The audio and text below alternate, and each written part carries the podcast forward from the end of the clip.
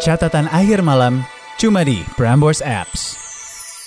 Teman FWB gue contacted me again. Asking how's life, bla bla bla. Gue block semua sosmed dan WA. Dan one day diajak meet up. Meet up sama dengan end up in bed again. Jauh di lubuk hati gue terdalam, bayangan teman FWB gue masih ada. Memori indah maupun memori menyakitkan. Mid-February 2020, setelah melewati beberapa pertemuan dengan doi, gue berpikir keras dan benar-benar bertanya dalam hati yang paling dalam, apakah adil gue berbuat begini ke suami gue? Prambors Podcast. Dengerin episode selengkapnya cuma di Prambors Apps.